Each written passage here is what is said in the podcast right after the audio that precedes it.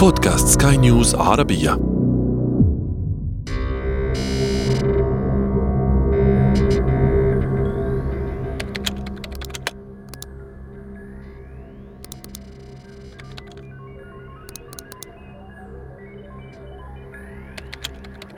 تخيل أن تستيقظ يوما وتحاول أن تدخل إلى الإنترنت لتجد أن مواقعك المفضلة لم تعد متاحة. تعتقد في البدء أن الخطأ في اتصال الإنترنت لديك لكنك تكتشف أن كثيرين غيرك غير قادرين أيضا على الدخول إلى مواقع بعينها.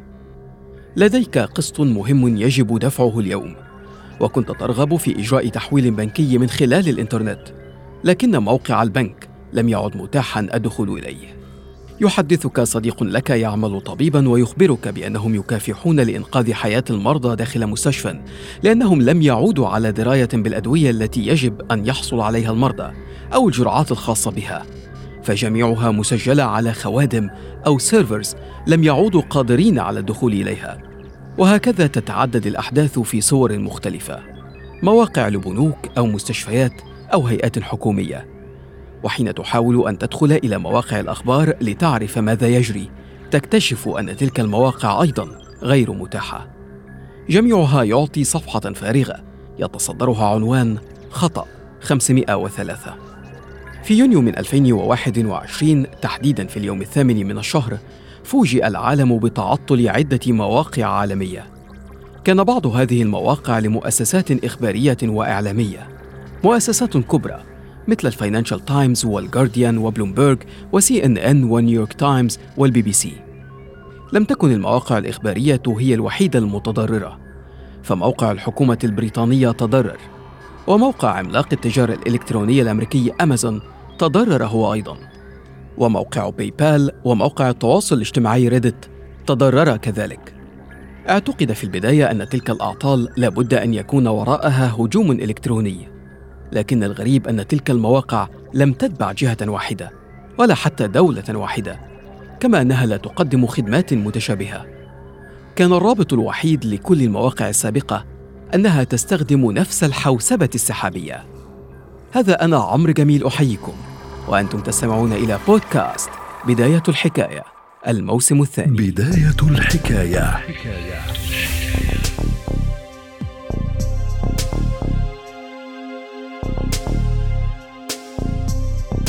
في ستينيات القرن الماضي وبينما كان العلماء يسعون لتطوير ما سيصبح مستقبلا الإنترنت الذي نشهده نشأت فكرة الحوسبة السحابية. ببساطة عبارة عن أنظمة كمبيوتر عملاقة تعمل عبر شبكة الإنترنت بهدف توفير خدمات متكاملة للمستخدمين من دون أن يتقيد هؤلاء المستخدمون بأجهزتهم المحدودة. خدمات مثل تخزين البيانات والنسخ الاحتياطي والمزامنة الذاتية والمعالجة البرمجية وجدولة المهام وغيرها. ظلت تلك الفكرة قيد الدراسة والتطوير حتى عمل عملاق التكنولوجيا الأمريكي جوجل على الأمر في عام 2007 بشراكة مع العملاق الآخر اي بي ام. اعتمدت الفكرة على منح مستخدم الإنترنت خدمات كالتي تحدثنا عنها من دون الاعتماد على أجهزته الخاصة. أمر أشبه بالبنوك التي تحتفظ فيها بأموال هي ملكك وتحت تصرفك ولكنك لا تحتفظ بها في منزلك. الفارق أن ما نتحدث عنه هنا هو بيانات. في بعض الأحيان تكون أثمن كثيرا من الأموال في البنوك. وإن تلك الحوسبة السحابية تتيح لك التعامل معها بشكل أني وبدون الحاجة للانتقال من مكانك. تلا ذلك تطور تلك التقنية بشكل كبير. أصبحت هناك شركات مختصة فقط بالحوسبة السحابية. تقدم للمستخدم في مقابل دفع مقابل مادي بالطبع خدمات أكثر عمقا من مجرد التخزين أو النسخ الاحتياطي. فهي توفر لأصحاب الأعمال القدرة على تخزين كميات كبيرة من البيانات من دون امتلاك أجهزة عملاقة تكلف الكثير لشرائها والكثير من الطاقة لتشغيلها والكثير من الأموال لصيانتها. تتيح لهم الاستفادة من إدارة مواردهم سواء فيما يتعلق بالمكان أو الأجهزة أو حتى القوة البشرية من دون القلق حول تخصيص جزء من تلك الموارد لحفظ تلك البيانات وفي حال رغبة مؤسسة ما أن تزيد من حجم بياناتها المحفوظة وفي الأحوال العادية التي كانت ستحتاج فيها لزيادة عدد أجهزة الكمبيوتر لديها لحفظ تلك البيانات تستطيع أن تشتري مساحة تخزين أكبر بكل بساطة أو حتى خفض المساحة التي لديها بالفعل إن لم تعد في حاجة إليها. كما أن تلك الخدمة لا ترتبط بموقع، فالشركات التي تدير تلك الخدمة لديها شبكات من الخوادم ومراكز البيانات موزعة حول العالم وتسمح بنقل البيانات لتحميل محتوى الإنترنت. كما أن أمان تلك البيانات يكون أكثر عندما تكون محفوظة في خوادم سحابية. يكون القائمون عليها أكثر دراية وتخصصا في مجالات الأمن المعلوماتي والهجمات السبرانية. أدى ذلك لتوسع هائل في تلك التقنية وفي عدد الشركات والمؤسسات التي تستخدمها. حكومات ووكالات أنباء ومستشفيات وبنوك. كمية هائلة من البيانات أصبحت مخزنة على خوادم سحابية تديرها شركات متخصصة. واحدة من أشهر تلك الشركات هي شركة فاسلي